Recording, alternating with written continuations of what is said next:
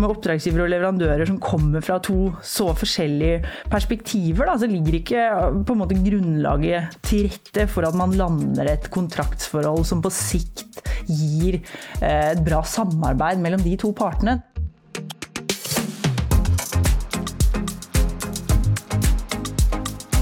Hei og hjertelig velkommen til en ny episode av Anskaffelsespodden.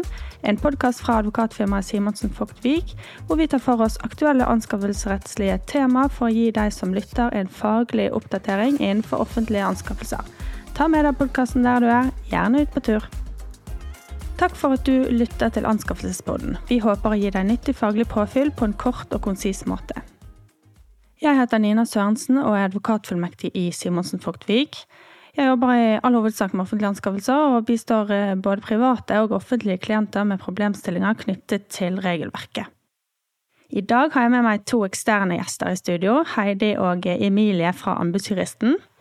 Vi skal snakke om samspill mellom leverandører og oppdragsgivere i anskaffelsesprosesser.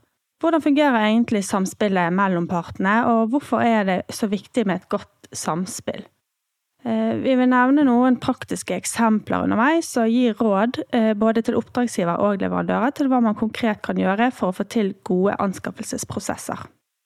Så velkommen i studio, Heidi og Emilie. Hei, takk for det. Takk. Eh, veldig kjekt å ha dere med for å diskutere dette temaet, som jeg vil si på mange måter er mm, kanskje kjernen egentlig innenfor anskaffelsesregelverket.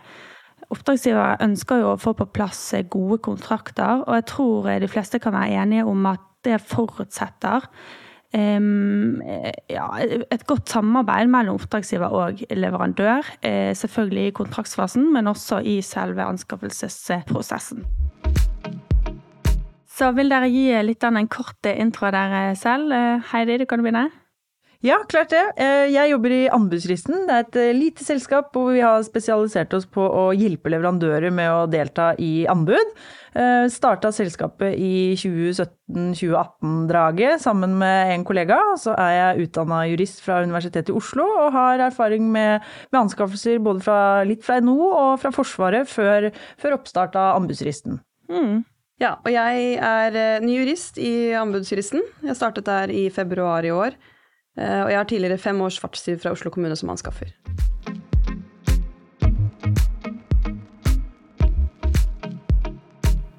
I dagens episode skal vi snakke om et eh, veldig spennende tema.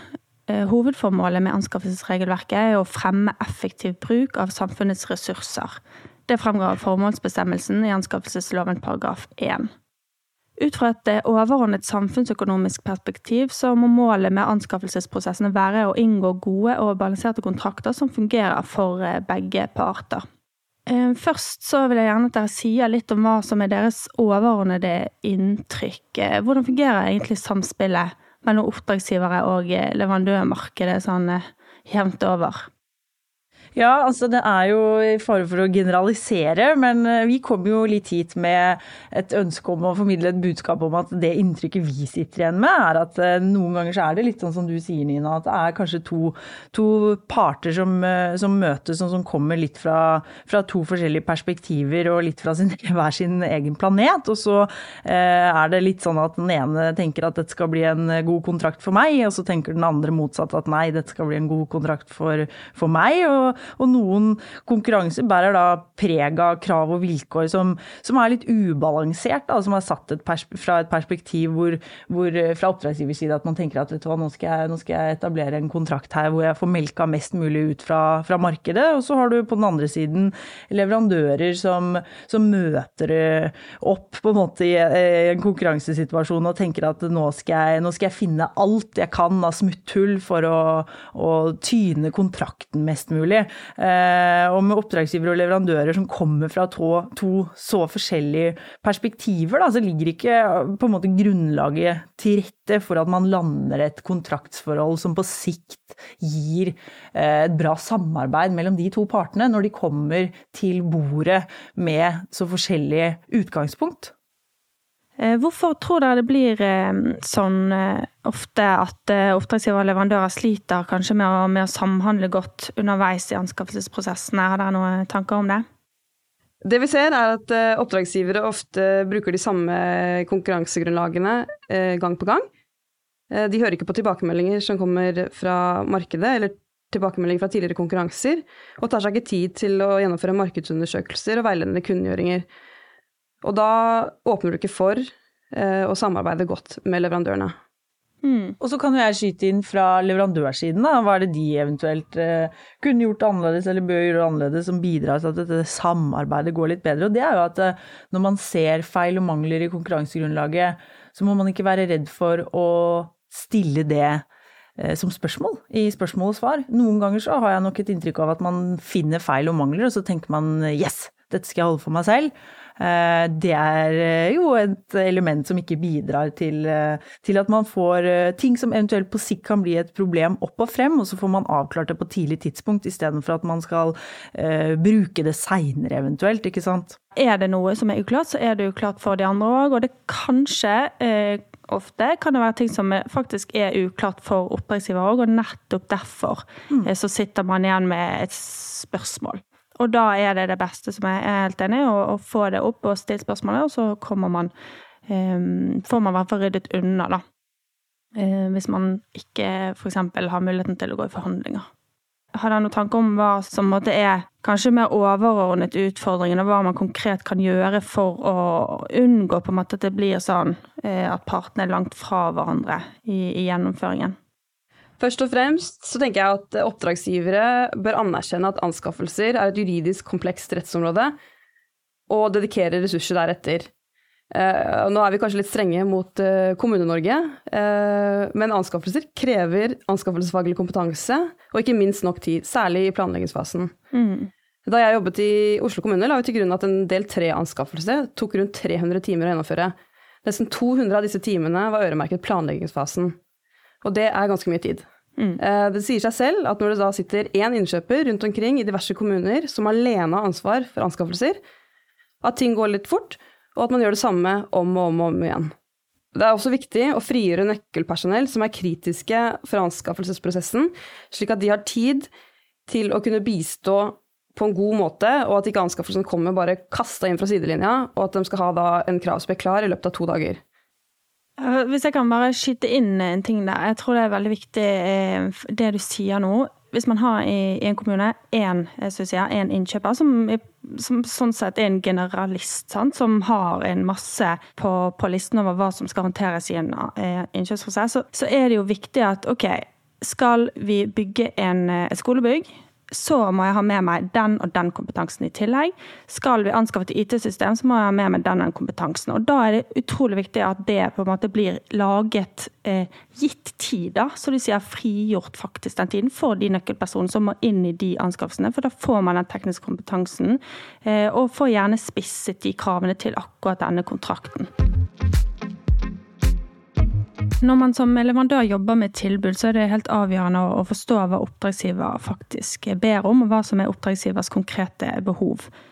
Eh, og her finnes det jo ulike måter for oppdragsgiver å beskrive og spesifisere hva som faktisk er eh, behovene, og, som, og hvilke krav som, som stilles til, til leveransen av en vare eller, eller tjenester.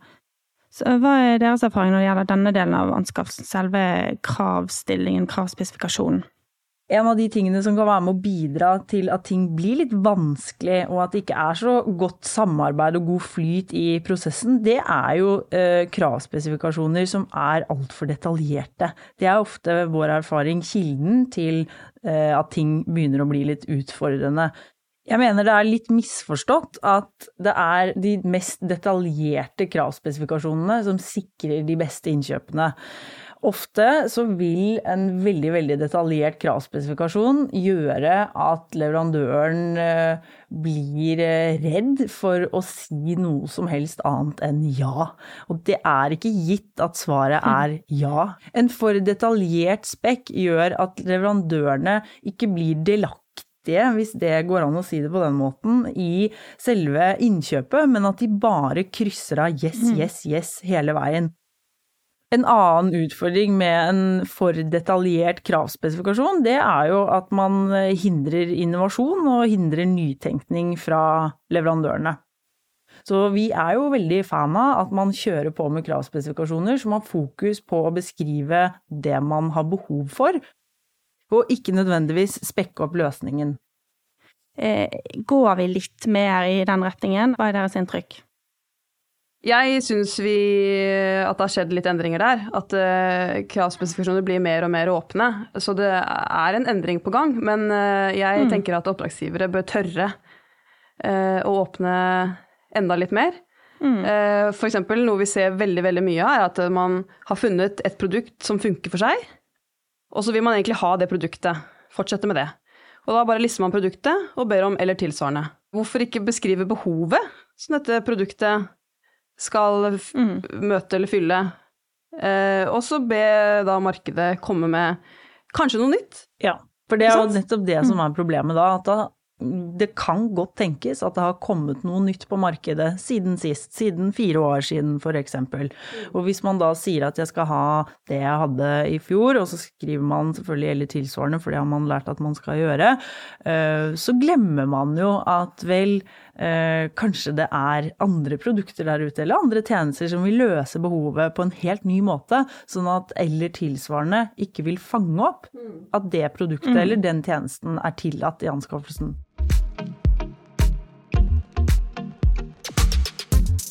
Hva vil dere si noen av eh, de, de viktigste virkemidlene oppdragsgiver har for å få inn eh, gode tilbud og sikre reell konkurranse mellom leverandørene? Ja, jeg tenker det er jo et, det er et stort spørsmål. det er mange elementer i anskaffelsen som, som man kan som oppdragsgiver gå inn og, og, regulere på, som sikrer at tilbudene blir gode. Men hvis vi skal peke på de tingene som ofte kan bli et problem, da, det er jo dette med at kontrakten er, er skjev eller inneholder mye, mye risiko som leverandørene responderer negativt eller litt ulikt på, da, ikke sant. Og så, set, så får man tilbud som, som, som, kanskje det blir vanskelig i etterkant å signere gode kontrakter på. Og det er jo sånn at der hvor det finnes gode, balanserte kontraktstandarder, så tenker jeg at de bør man tilstrebe å bruke. For en god kontrakt i bånn, den vil de aller fleste leverandører respondere positivt på, og så er det ikke så veldig mange risikoelementer som er uklare, ikke sant. Man er kjent med det på forhånd fra før av. Så jeg tenker at det er et av de tingene som er viktig for å sikre eh, gode tilbud. Det er at kontrakten som ligger der og det som lyses ut, er, eh, er ferdig balansert. Mm. Som eh, leverandør så er det mange elementer man må ha kontroll på når man inn, skal levere inn et tilbud. F.eks. risikofordeling i kontrakten, som vi har vært inne på. Og så vet vi jo at en leverandør er jo normalt i konkurranse med andre, forhåpentligvis. Og hvilke strategiske vurderinger gjør leverandøren da?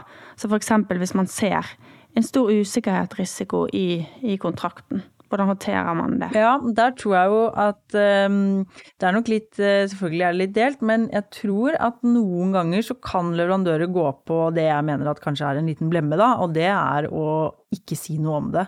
Holder det for seg selv, tenker jeg at uh, vel, dette jeg ser det, men uh, dette får jeg løse, løse seinere. For meg nå handler det bare om å lande, lande, lande denne kontrakten og vinne den. Det tror jeg kanskje kan være dumt. Jeg tror det kan være med på å bidra til at i etterkant blir det et kontraktsforhold som kanskje ikke er så eh, ålreit uh, å være i som det kanskje burde være. Mens det jeg syns man burde gjøre, er å stille det spørsmålet. Løfte det opp i spørsmål- og svarportalen, sånn at man også setter søkelys på det for de man er i konkurranse med. For det kan godt hende at det eksisterer andre aktører der ute som ikke har sett det. Og hvis man da er med og løfter det opp, så ser andre det, og da kan man være med å stimulere de til å også kalkulere det inn i prisene sine. Men ikke minst så gjør man jo oppdragsgiver oppmerksom på dette her, sånn at de også eventuelt eventuelt, hvis det er behov, kan ta seg tid til å gjøre små justeringer, da, eller endringer hvis det er behov for det på konkurransen, sånn at den eh, blir, eh, blir bedre.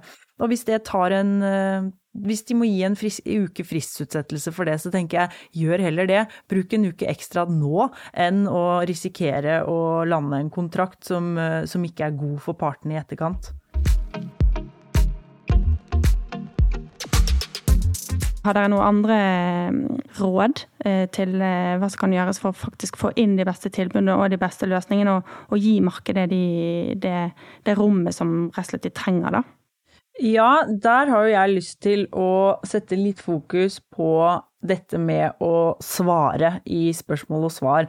Altså, eh, det er ofte sånn at leverandørene har ting på hjertet i spørsmål og svar som er fornuftig, og som kan bidra positivt til at anskaffelsen blir god, men da krever jo det at oppdragsgiver er lydhør for det som mm. blir spurt om. Og ofte så opplever jeg at grunnen til at gode spørsmål eh, blir besvart litt kort, det tror jeg er fordi at man har dårlig tid.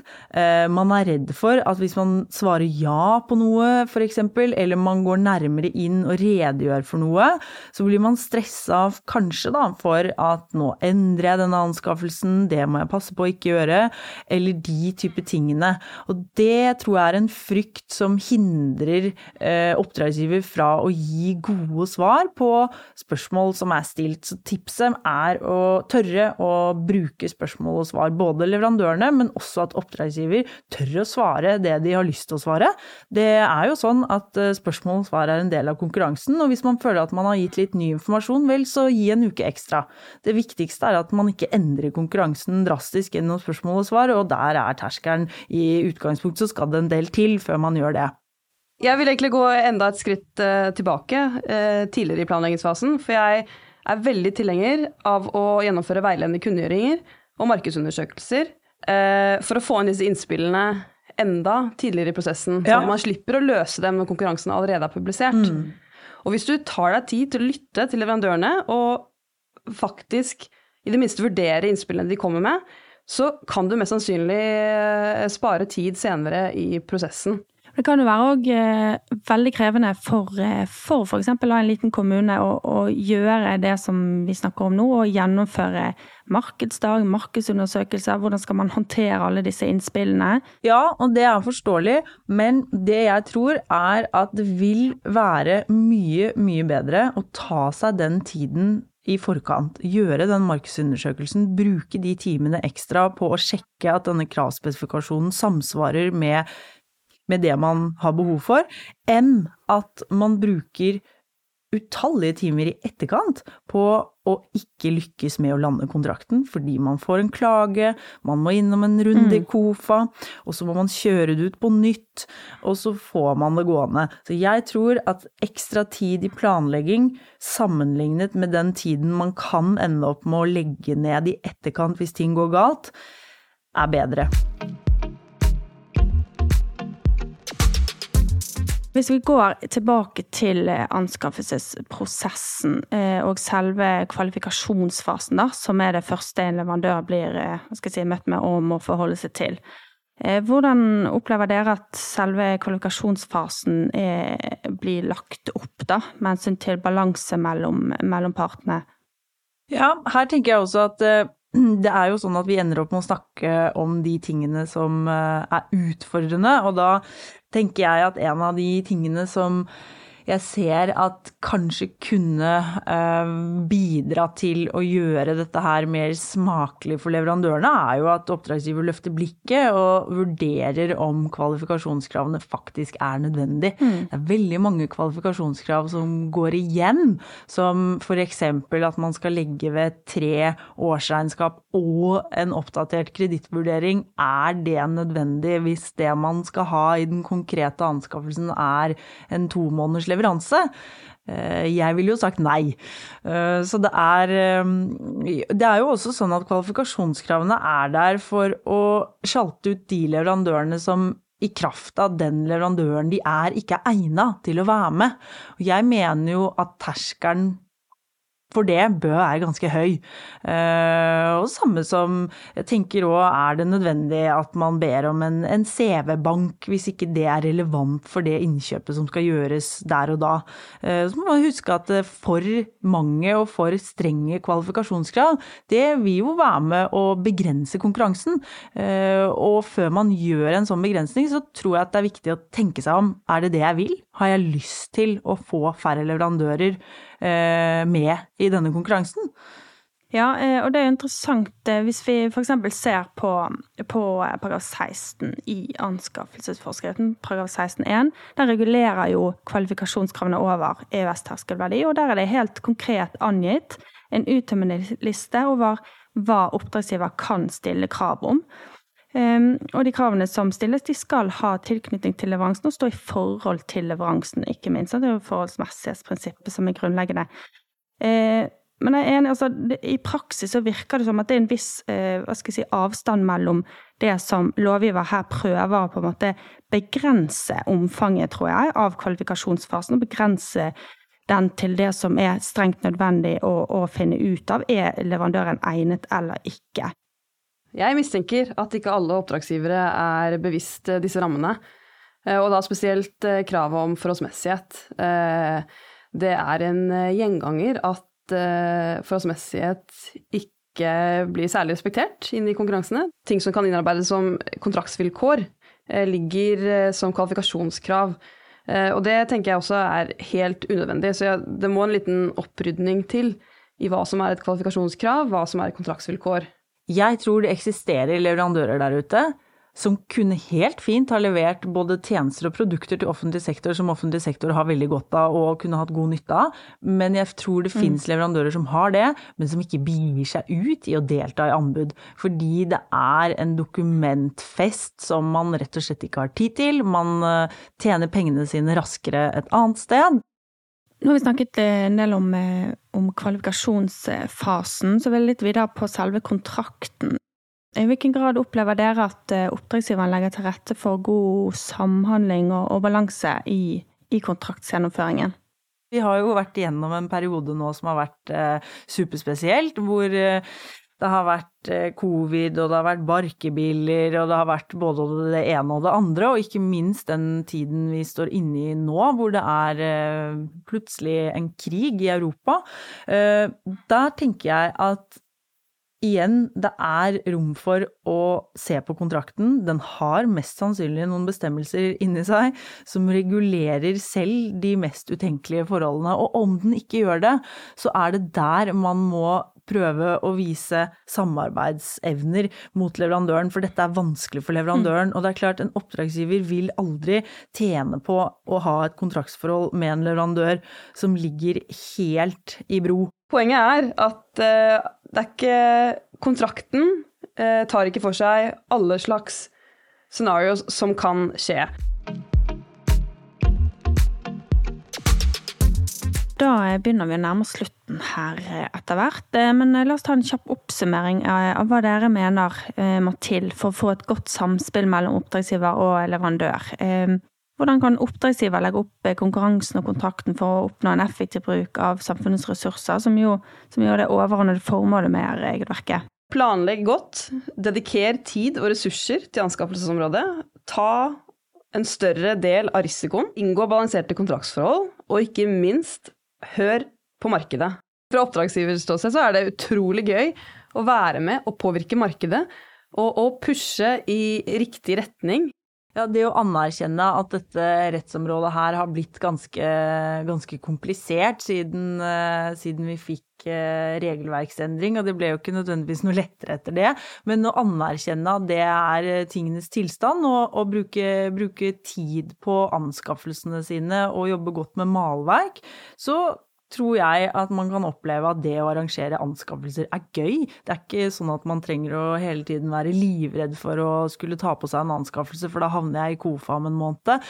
Dette her går det an å få under huden, og så går det an å navigere seg gjennom regelverket, som i bunn og grunn er tufta på overordna gode hensyn, som det er mulig å sette seg inn i og, og forstå og lage gode konkurranser rundt, hvis man bare har fått tiden til det. Jeg tror nøkkelen er at man eh, ikke har nok tid, og at man kanskje heller heller ikke alltid har planlagt godt nok.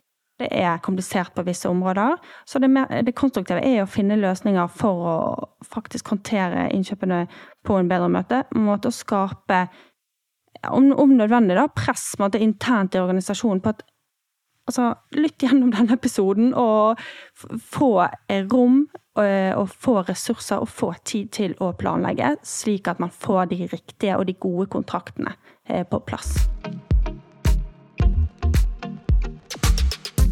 Hovedansvaret og premissleverandøren for anskaffelsen er jo eh, åpenbart oppdragsgiveren. Men Leverandørene kan jo òg, som vi har vært litt inne på, bidra til å få til gode eh, anskaffelsesprosesser og forsøke å eh, rydde uklarheter under veien, ut av veien osv. Så, så er det noe der jeg vil oppsummere der på, på leverandørens side? Ja, jeg tenker jo absolutt at det å, det å, bidra i spørsmål og svar, det å belyse den risikoen man har funnet som kanskje en oppdragsgiver ikke bevisst har lagt fra seg i konkurransen, det er, det er kjempeviktig.